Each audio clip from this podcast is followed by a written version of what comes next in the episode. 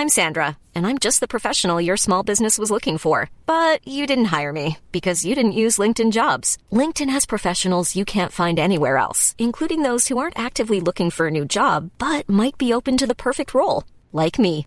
In a given month, over 70% of LinkedIn users don't visit other leading job sites. So if you're not looking on LinkedIn, you'll miss out on great candidates like Sandra. Start hiring professionals like a professional. Post your free job on linkedin.com/people today. Halo pendengar GGMI Podcast, baik lagi bersama kita bertiga. Dan pada episode kali ini lengkaplah sudah penderitaan fans MU di mana kita berharap lebih kepada gua yang akhirnya mengatakan kalau Munchen ini adalah Liverpoolnya. Kita di musim lalu ya Remedy. Ternyata justru malah kita uh, masuk ke dalam jurang di mana kita kalah tipis 4-3 dari uh, The Bavarians gitu kan. Nah, gue mau nanya ke Alvin terkait dengan starting dan juga berbicara masalah di balik semua hal-hal negatif yang akan gue sampaikan ke Saung. Gimana lo akan menanggapi debut golnya Rasmus Højlund? Oke, kalau ini jadi line up dulu apa? Line up dulu, line up dulu. Line up line up ya. Kalau untuk line up sebenarnya ini adalah hal yang memang kita inginkan kan. Kemarin ketika lawan Brighton kita dibabat dengan formasi 4-4-2 diamond yang ternyata pemain sepertinya nggak familiar ketika out of possession, ketika bertahan. Nggak tahu siapa jaga siapa, harus harus lari ke arah mana itu masih bingung gitu. Karena nggak familiar. Nah, sekarang kemarin kita udah bahas bahwa kita ingin udahlah kita balik ke formasi di mana kita biasa main itu 4-2-3-1 atau 4-3-3 dan ternyata dilakukan. Dan uniknya akhirnya gitu ya namanya Facundo Pellistri ini menjadi starter untuk pertama kalinya dan mainnya langsung away lawan Dort, uh, lawan Bayern Munchen gitu. Dan Hmm. um, gue impress ya sama Pellistri karena dalam arti gini, bukan impress secara uh, level permainan ini ya, um, di mana sepak sepak bola profesional ya, tapi lebih kepada untuk kapasitas Pellistri, gue merasa bahwa dia udah cukup bagus gitu.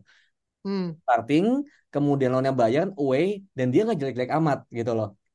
Masih inilah, masih bekerja keras kayak menurut gue kalau skill lu pas-pasan, setidaknya lu punya kontribusi bekerja keras dan itu sangat jarang bagiannya Pelistri itu diserang gitu loh. Davis itu benar-benar nggak bisa bebas banget gitu.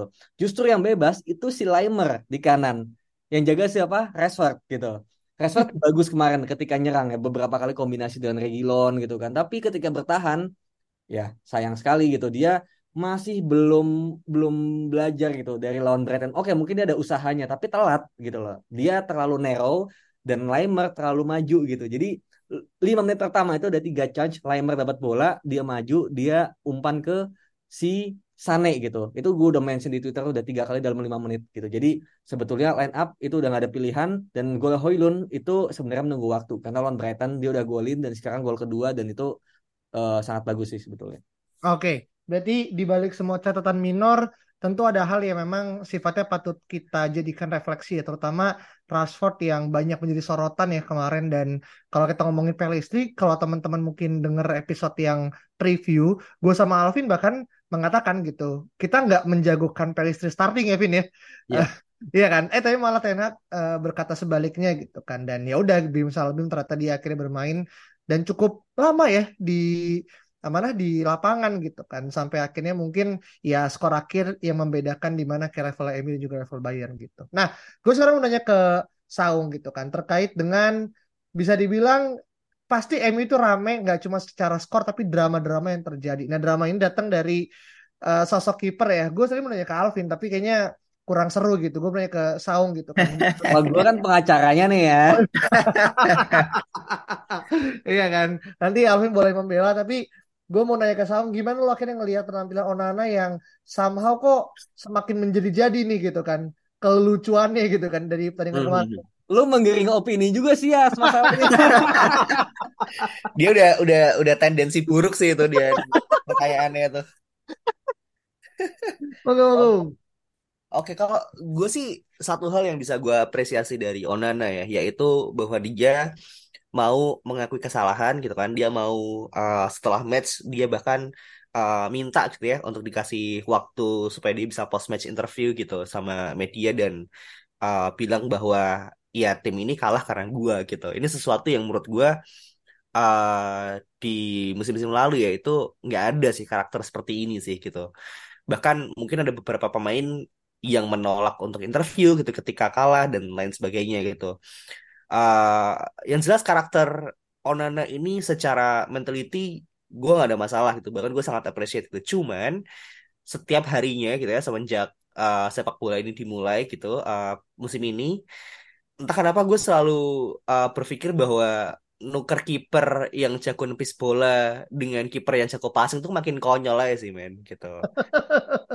Ini sesuatu yang menurut gue agak agak sangat susah gitu untuk untuk gue cerna gitu. Karena uh, musim lalu oke okay, uh, De Gea tidak punya kesempatan atau tidak punya kapabilitas untuk bisa build up dari belakang gitu kan. Dia udah coba beberapa kali dan juga gagal dan akhirnya dia uh, apa kejebolan atau something gitu kan. Tapi Onana ini kan bisa passing, bisa uh, apa bisa build up segala macamnya itu. Tapi kenapa tugasnya sebagai goalkeeper nih sama sekali susah gitu kan. Walaupun kredit ya dia di babak kedua memang uh, cukup oke okay, gitu. Dia uh, bikin beberapa penyelamatan gitu. Tapi ketika save save yang menurut gue harusnya bisa dilakukan gitu kan oleh layaknya seorang goalkeeper dia sangat kesulitan gitu. Ini sih yang yang yang selama enam match ini sama sekali nggak kelihatan ya. Bahkan dia kejebolan berapa ya? 12 gol atau 13 gol ya? 13 hmm. 14 gol kalau usah dalam 6 match ini gitu sih. Hmm. jadi uh, gue sama sekali belum convince apakah dia uh, layak untuk starting di uh, match-match berikutnya gitu kan. Cuman pembelian Onana ini makin ke sini makin ke sana sih menurut gue. Waduh. Kalau gue saran kita maininnya Bayindir, Onana kita jadiin CB aja gimana? Iya dia kayaknya bisa deh jadi CB atau dia ganti McTominay juga kayak bisa. Oke Win, sebagai pengacara silakan pembelaan. Ya, ya. Iya, ya sedikit aja ya. Uh, sebenarnya gue pengennya klarifikasi di Twitter aja ya gitu kan. Dan gue udah banyak banget klarifikasi di Twitter, bukan klarifikasi yang pembelaan di Twitter uh, dari semalam sampai tadi juga gitu bahwa gue udah bilang bahwa uh, kita nggak akan ke mana-mana dengan David De Gea gitu. Karena kita mengubah style of play di mana yang tadinya kita diserang dan De Gea jadi uh, kelihatan bagus gitu karena ada exposure kasarnya gitu. Sekarang kita mencoba untuk proaktif tapi belum sempurna gitu karena mengubah style itu gak gampang kan. Jadinya yang tadi yang mau proaktif malah diserang balik, ujungnya keserang-serang juga gitu. Nah, sayangnya itu kelemahan Onana gitu. Gitu. Jadinya pada akhirnya kita sekarang masih melihat kelemahan Onana. Tapi kelebihan Onana itu nanti akan benar-benar kita syukuri ketika kita udah full bisa bermain possession, bisa bermain counter press yang maksimal, optimal, yang ya kita nggak akan kena counter attack dan serangan sebanyak itu gitu dan lagi-lagi ya gue tuh selalu ingin kita semua sebagai fans itu lebih mengkritisi setiap golnya seperti apa sih gitu kalau dibilang cuma 12 atau 13 gol dalam beberapa pertandingan itu nggak fair menurut gue gitu kalau golnya kemarin yang Sane, oke, okay, gue bisa bilang itu emang kesalahan konyol gitu dan itu nggak boleh terjadi gitu. Dan golnya Joe Pedro lawan Brighton itu juga nggak boleh terjadi. Tapi gol-gol lainnya kayak golnya apa yang gol Matias Tel, kemudian penalti apa iya itu lo mau nyalahin kiper juga dan lo count sebagai kebobolan dia yang lu judge dia kiper jelek kan enggak kan gitu. Kemudian golnya Pascal Gross yang itu terlalu dekat itu 80% gol main gitu. Gitu. Jadi banyak gol-gol juga di mana kayak itu udah hampir pasti gol gitu dan lu cuma butuh miracle dan deh yang bisa melakukan miracle itu. But lu sebagai tim besar lu nggak bisa punya mindset lu diserang terus gitu mindset lu tuh maju untuk menyerang dan kita lagi menuju ke sana we will be there kasarnya gitu ya gitu hmm. Gila, optimis banget ya nih. Optimis lah. Kasarnya gitu, kalau kalau kita mindsetnya masih mikir kita dehya dehya terus gitu ya, ya kita bakal jadi tim yang counter attack terus dan 5-10 tahun terakhir nggak pernah ada tim yang mainnya hmm. kayak gitu dan bakal mendominasi ya. Mungkin juara sesekali bisa, tapi dominating conquering the league itu nggak ada yang kayak gitu gitu. Jadi kita lagi berproses menuju ke sana gitu. Kalau yeah, misalnya emang hmm? emang susah sih move on dari hubungan yang oh. sangat lama gitu ya, apalagi dua belas tahun gitu kan uh, kita dengan De Gea gitu. Tapi uh, yang gue nggak setuju adalah ada banyak orang uh, mungkin di Twitter gitu ya yang compare uh, De Gea dengan Onana di awal-awal masa karirnya gitu. Oke, okay, uh, De Gea kan datang di usia 19 gitu kan uh, kiper masih muda tapi dia udah dikadang-kadang jadi kiper nomor satu gitu sementara Onana dia datang udah matang gitu udah jadi memang tadi yang Alvin bilang uh, gue cukup sepakat sih karena kita belum melihat yang uh, sesungguhnya gitu kan karena banyaknya uh, apa namanya uh, faktor-faktor gitu kayak injury dan segala macamnya gitu. Cuman waktu kan terus berjalan ya. Gue cuma takutnya kayak kesalahan-kesalahan ini uh, menumpuk dan akhirnya nanti uh, apa memuncak ke Ten Hag dan Ten Hag juga pasti akan kena pressure segala macamnya dan ini akan bisa jadi crumble gitu. Jadi ya. gue berharap benar-benar uh, Onan ini bisa man up sih di match-match selanjutnya gitu. Iya, ya, ya, itu adalah doa semuanya ya. Walaupun memang uh, kalaupun akhirnya gue ngelihat ya dari perbincangan apa yang ada di media sosial gitu kan, memang ujungnya kita seolah-olah tuh nggak pernah mau kehilangan scapegoat gitu kan, di mana mungkin Maguire udah expired, uh, sekarang akhirnya mungkin pindah ke Onana, makanya kan ada meme yang fotonya Onana tapi layarnya tuh pakai siluetnya Maguire gitu. dulu tuh lucu banget sih. Maksudnya as, as a joke ya dalam arti gitu kan. Yang mana menunjukkan kalau emang ya ujungnya MU akan butuh satu orang yang akan selalu siap disalahkan gitu. Dan so far sekarang ya mungkin Onana gitu yang akhirnya kena batunya gitu. Nah mungkin kita mencoba untuk move on ya dan juga berbicara pada konteks bagaimana akhirnya kemarin uh, yang akhirnya uh, bisa dibilang apa ya mungkin teman-teman boleh uh, berbicara konteksnya apakah dia bermain bagus atau enggak tapi dia mencetak dua gol gitu kan. Satu gol sebenarnya lebih kepada scrimmage ya satu gol lagi lebih pada mungkin dia nyundulnya karena bola Fernandes pun juga terlalu nukik gitu. Tapi lu gimana penampilan Casemiro dengan dua gol Evin? Iya Casemiro menurut gua nggak sempurna ya. Satu sisi dia dua gol itu keren banget. Tapi satu sisi lagi iya dia bertahannya masih banyak klamsinya gitu loh. Kayak gol kedua yang Gnabry. Itu clear banget itu Casemiro harusnya menjaga si Gnabry. Cuma dia nggak lari gitu dia jogging. Nah meskipun jogging ini juga harus kita uh, kritisi lagi ya kayak kenapa dia jogging? Mungkin dia covering tuh apa ya uh, lapangan yang terlalu lebar gitu loh. Jadinya capek gitu. Ini imbas dari kita high press yang gagal gitu. High pressnya bagus niatnya bagus tapi gagal Nah, kalau gagal, imbasnya kena siapa? Ya DM-DM kita, pivot kita, yaitu Casemiro. Dan gol itu kan berulang ya, gitu. Gol lawan Brighton, lawan Arsenal, lawan Bayern tuh berulang momentumnya apa ya caranya tuh sama gitu. Itu pivot kita telah turun. Kenapa telah turun? Karena high pressnya terlalu tinggi gitu loh. Jadi um, Casemiro satu sisi memang penampilannya lagi menurun tapi si, uh, di sisi lain dia juga adalah menjadi apa ya korban lah ya dari sistem yang baru ini gitu cuma untungnya memang dia ketolong dari dua gol yang sangat bagus gitu uh, dan menyelamatkan kita dari apa ya kalah yang benar-benar memalukan lah kasarnya gitu kan. Jadi hmm. menurut gua mungkin nantinya gitu udah banyak pembahasan juga di Twitter bahwa Casemiro ini bakal menja uh, memiliki perubahan role gitu. Yang tadinya DM menjadi single pivot menjadi box to box seperti Mason Mount gitu. Lebih ke depan lebih sebagai goal scorer atau ya tukang hajar di uh, dekat kotak penalti gitu loh. Nanti DM-nya diisi siapa? Oleh Amrabat atau Kobi Mainu yang lebih fasih dalam uh, membangun serangan dan juga lebih mobile kayak gitu sih. Jadi Casemiro menurut gua kalaupun dikasih rating ya gua kasih rating dia 5 fair karena uh. dia golin 2 tapi satu sisi bertahannya juga amburadul gitu. Oke, okay, menarik, menarik. Dan sebenarnya pas kemarin sebelum sesi dimulai ya, kan ada video leak ya dari training MU kan di mana Kobe ini kan udah mulai ini ya latihan ya, walaupun dia sendiri ya terpisah dia gitu kan.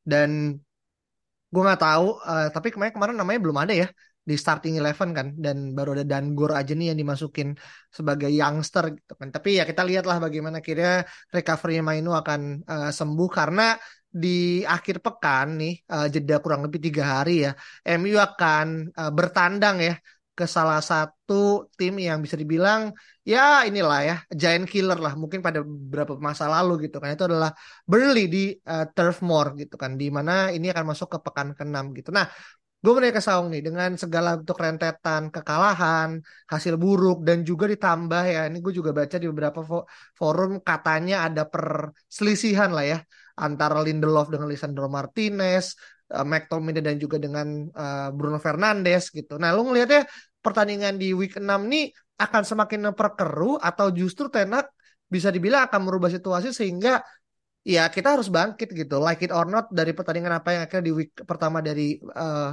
Liga Champions dong? Harusnya sih bisa segera bangkit ya karena gue melihat masalah United ini sebenarnya hanya uh, dua tiga injuries away gitu sih. Jadi ketika kita udah punya mungkin Amrabat uh, terus Kopi Mainu yang tadi lo bilang dan juga mungkin uh, di sisi kanan bisa ada uh, apa daya kempur baru gitu ya di Palistri ataupun Garnacho menurut gua kita kan baik-baik aja sih gitu. Karena kan melihat Munchen kemarin sebenarnya kan dia kan nggak bermain bagus kan si Munchen itu gitu. Gue bisa bilang bahwa United uh, mendominasi permainan sampai akhirnya uh, ya kita kan jebolan gol yang cukup konyol itu gitu. Cuman selebihnya dengan uh, mentality United gitu ya yang masih bisa ngejar gitu walaupun skornya juga masih 4-3 tapi menurut gue sih uh, kita masih punya kans ya untuk lawan Burnley gitu sih cuman yang bikin kepikiran adalah Burnley ini sama sekali belum pernah menang gitu ya di Premier League musim ini. Nah, dengan lawan United biasanya itu akan ada hal-hal konyol ya sih gitu. Hmm. Yang bisa jadi ya nggak tahu mungkin keputusan wasit yang uh, menyebalkan atau mungkin uh, gol-gol yang dianulir segala macamnya gitu. Cuman kembali lagi gitu, United masih tetap punya kans dan gue melihat uh, Hoylund juga kemarin udah cetak gol gitu kan uh, bisa jadi ini jadi ini sih apa namanya ya pelecut lah supaya kita bisa back on track. Planning for your next trip? Elevate your travel style with Quince. Quince has all the jet-setting essentials you'll want for your next getaway, like European linen, premium luggage options, buttery soft Italian leather bags, and so much more and is all priced at 50 to 80% less than similar brands. Plus, Quince only works with factories that use safe and ethical manufacturing practices. Pack your bags with high-quality essentials you'll be wearing for vacations to come with Quince. Go to quince.com/pack for free shipping and 365-day returns. Hiring for your small business? If you're not looking for professionals on LinkedIn, you're looking in the wrong place. That's like looking for your car keys in a fish tank. LinkedIn helps you hire professionals you can't find anywhere else, even those who aren't actively searching for a new job but might be open to the perfect role. In a given month, over 70% of LinkedIn users don't even visit other leading job sites. So start looking in the right place. With LinkedIn, you can hire professionals like a professional. Post your free job on linkedin.com slash people today. Hmm. Oke, okay, berarti lu tetap optimis karena satu dari tim lawan pun juga dalam kondisi yang compang-camping nih. Dan ini gue lihat juga Burnley di ada di posisi buncit ya asin secara dia kalah gitu kan. Jadi ya memang ini harapannya bisa menjadi momentum ya. Dan apakah gue perlu untuk sekali lagi mengatakan apakah ini Burnley adalah Liverpool kita di tahun lalu? Menurut gue kayak terlalu rendah sebenarnya sih.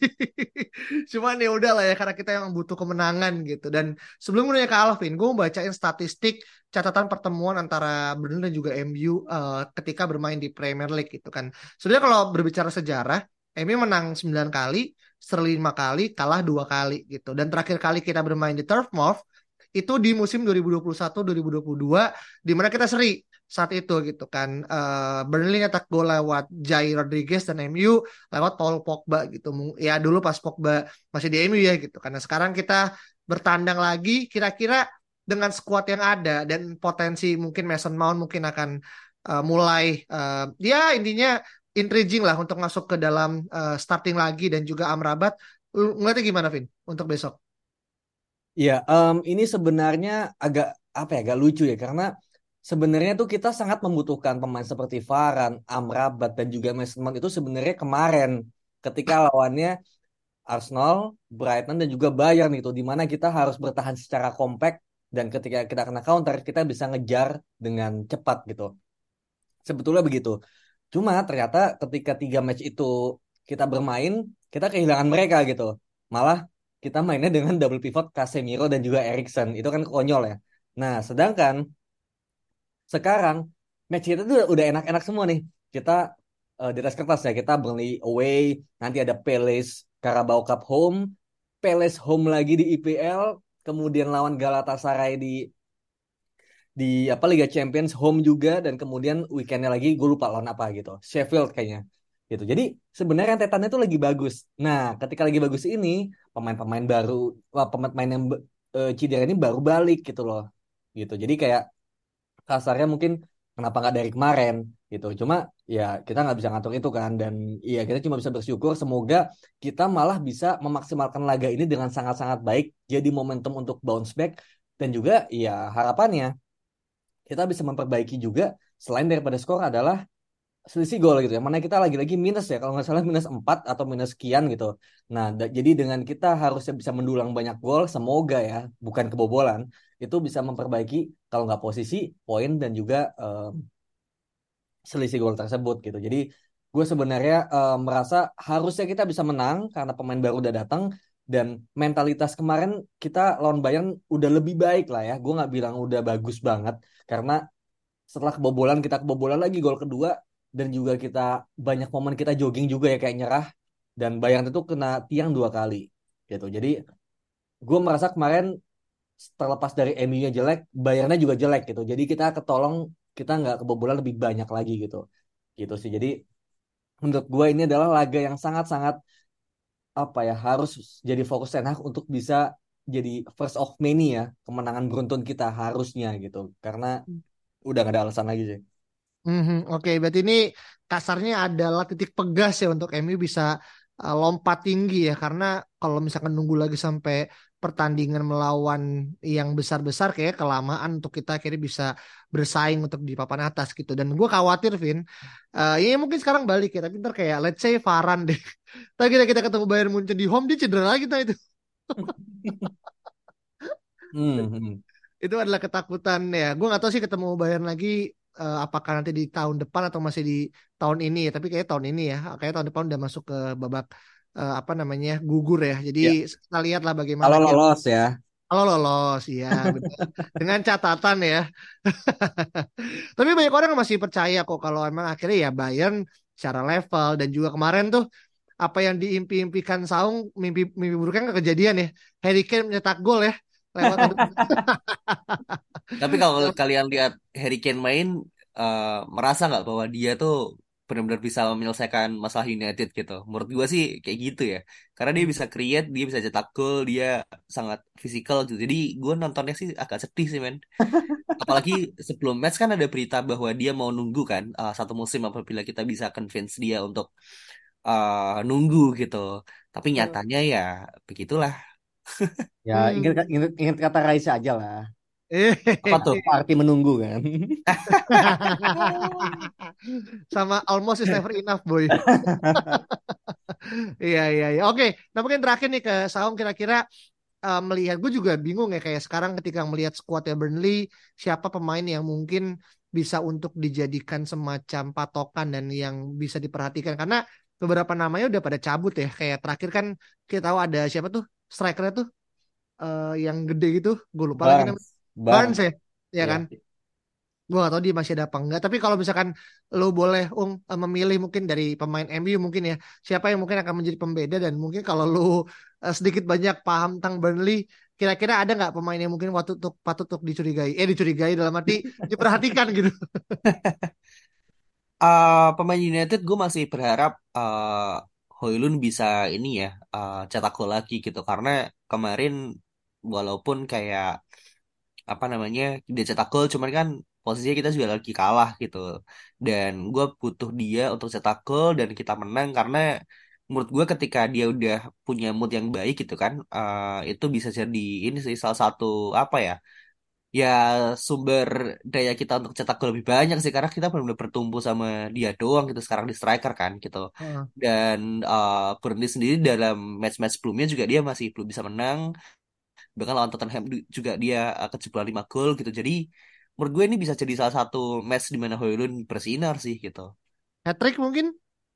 Uh, quadrick men Waduh, udah nahan-nahan nggak ngomong itu tiba-tiba disampaikan juga ternyata kata-kata kuatrik. Oke, oke mungkin itu ya teman-teman terkait. Atau Alvin ada mau nambahin nggak terakhir? Iya ya, kalau untuk Hoylun gue juga uh, yakin sih bahwa dengan sedikit peluang yang dia dapatkan, tapi ya gue anggap sih dia, dia udah golin dua ya gitu. Karena kemarin kan tipis ya, jadi gue anggap dia udah cetak dua gol gitu ya, simpan di hatinya dia aja lah gitu dua golnya. Dan gue merasa itu juga akan bertambah karena uh, melawan Burnley ini gue juga yakin bahwa MU harusnya bisa dominating games ya. Dengan pemain baru yang ada, kemudian kepercayaan diri ya meskipun kalah tapi menurut gua kalah dengan kepala tegak setidaknya gitu. Karena meskipun banyak sequence kemarin kita juga turn off tapi kita di menit-menit terakhir kita juga bisa membuktikan bahwa uh, kita bisa berjuang sampai akhir gitu. Bahkan mencetak dua gol dan bisa tiga-tiga loh kalau Bruno Fernandesnya nggak salah opar gitu kan. Gitu. Jadi kalau misalnya kita bisa fokus 90 menit ya kemarin kan kita fokusnya cuma 20 menit ya pada 25 menit. Kemudian kebobolan. Nah ini hmm. kalau 90 menit bermain compact dan lagi-lagi yang menurut gue yang harus sangat berubah ya. Kalau sisi lainnya menurut gue udah udah oke lah. Tapi yang menurut gue gue ingin melihat perubahannya adalah ya sayap kita gitu. Sayap di mana gue berharap pemain sayap ini yaitu Rashford dan gue nggak tahu siapa yang di kanan. Semoga formasi nggak diubah-ubah lagi ya gitu. Udah segini aja 4 2 3 1 aja. Mungkin Pelistri lagi atau mungkin Mason Mount akan di kanan gitu ya. Semoga dia mau track back. Udah itu aja gitu. Karena kalau kita lihat sequence gol-golnya dari tiga match terakhir kemarin itu ya gara-gara wingernya nggak track back gitu loh. Dan akhirnya back sayap kita ke expose di situ di apa ya double team lah dua lawan satu. Dan akhirnya dengan mudahnya bisa cutback ke sisi um, apa kotak penalti yang kosong gitu. Dan itu ditinggalkan juga sama pivot kita gitu. Jadi wingernya juga jangan sampai bisa melakukan crossing dan itu bisa ditutup sama winger kita dan juga pivotnya juga harus cepat untuk turun gitu kalau misalnya kelewat. Dan pivot ini nggak akan kelewat kalau winger kita itu mau untuk nutup jalur passing ke sayap gitu loh. Jadi sebenarnya ini tuh benar-benar yang gue bilang dari kemarin preview lawan Bayern yes gitu. Semuanya berawal dari depan gitu loh kalau depan pressingnya bagus belakang-belakang itu aman gitu.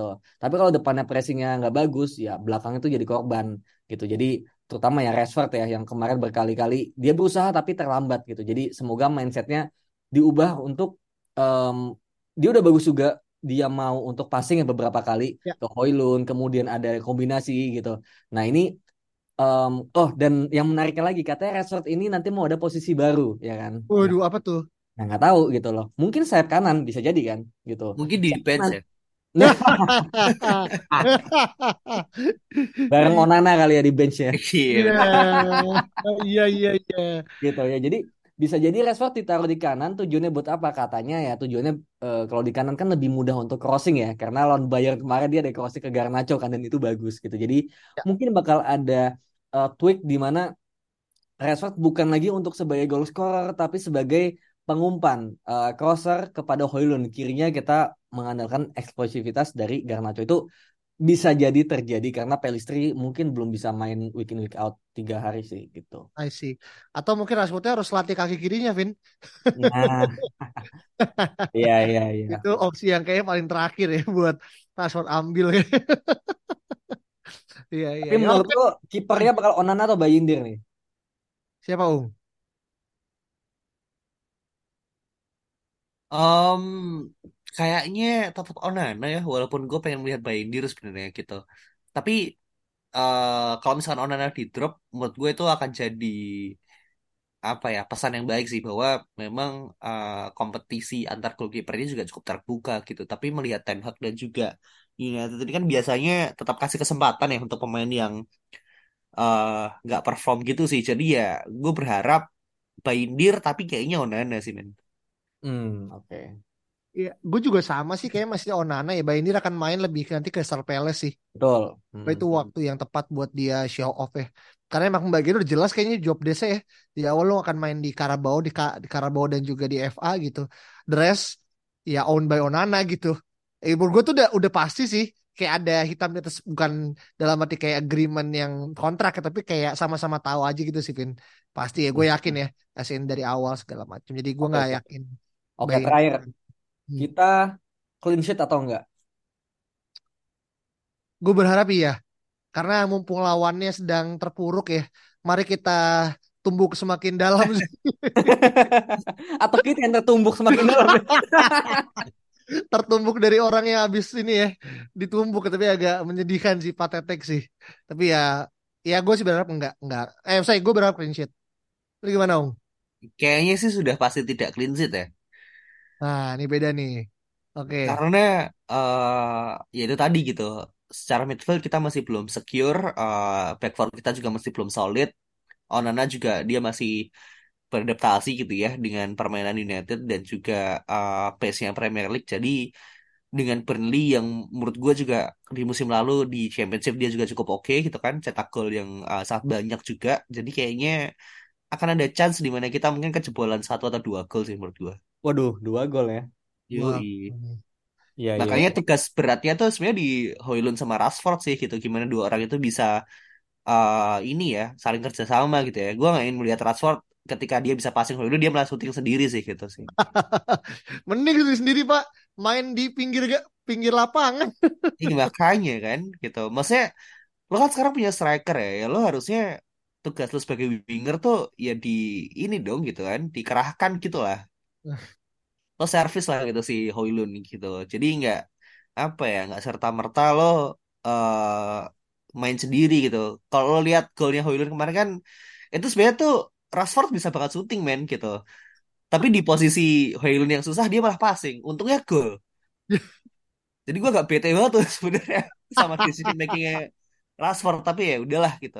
Semoga lebih baik aja sih di match lawan Burnley. Iya hmm, iya ya. Dan dan satu celah lagi menurut gue ya itu sisi di mana kita bisa manfaatkan adalah uh, kemarin kita lihat ya Regilon berkali-kali dia bisa crossing ya dan juga kombinasi nah, iya. dengan Rashford. Itu kalau misalnya kemarin itu uh, passing Regilon mungkin lebih pelan dikit itu Pelistri bisa gol itu. Ya, iya kan? sih. Iya, Paham. jadi kayak sebenarnya bagus banget Regilon juga dalam sisi menyerang ya. Bertahannya sebenarnya ya mungkin mirip-mirip Dalot juga ya gitu. Jadi sering sering kalah. kalah. Iya, agak-agak keropos gitu kan. Dan ini kita dua-duanya nih biasa kanan doang ini kanan kiri sama-sama agak-agak keropos gitu kan. Gitu. Hmm. Tapi ketika menyerang kemarin kelihatan bahwa dia apa ya cukup sharp ya untuk melakukan ya. kombinasi dan dia bukannya kayak Teles ya tapi benar-benar apa ya pacey dan juga determinasi tinggi men gitu dia ngejar dari kiri ke kanan gitu jadi semoga dia nggak cedera aja sih Hmm. kalau dia cedera mah udah tiga-tiganya, Vin. kita nggak punya lagi. Siapa yang kita bisa? Gue nggak tahu ya apakah Luxio dan juga ini kapan, tapi ya semoga. Luxio Mawan bisa tuh katanya ini eh, nggak uh, akan balik sampai international break bulan November. Ah, oke. Okay. Make sense. Berarti pertengahan November dia baru balik. Oke. Okay. Iya, iya, iya. Oke okay deh itu adalah hal yang mungkin coba kita akan lihat dan seberapa jauh uh, tim MU bisa langsung bangkit dari keterpurukan ya. Walaupun kemarin banyak orang rasa kita kalah rasa seri ya gitu ya uh, dengan dengan porsi yang ada. Dan mungkin kita juga nggak nggak bisa memprediksi kalau dari yang empat dua kan sebenarnya itu kan. Dan mungkin bisa lebih daripada itu gitu. Karena bisa kita ngejar sampai level di mana akhirnya ya kembali ya pada era-era dulu tahun 9899 ada gol ya menit akhir gitu kan bedanya kalau itu mengantar kita ke trofi sekarang hanya memper, memperkecil selisih doang ya. Sekarang mengantarkan kita ke goa sih sebenarnya. Nah. Oke, okay, paling itu aja teman-teman. Kalau punya pendapat yang berbeda silakan uh, reply aja di tweet at Podcast. Dan jangan lupa kasih bintang 5 dan tungguin kita di episode berikut ya. Bye-bye. Even when we're on a budget, we still deserve nice things. Quince is a place to scoop up stunning high-end goods for 50 to 80% less than similar brands. They have buttery soft cashmere sweaters starting at $50, luxurious Italian leather bags, and so much more. Plus, Quince only works with factories that use safe, ethical, and responsible manufacturing. Get the high-end goods you'll love without the high price tag with Quince. Go to quince.com/style for free shipping and 365-day returns.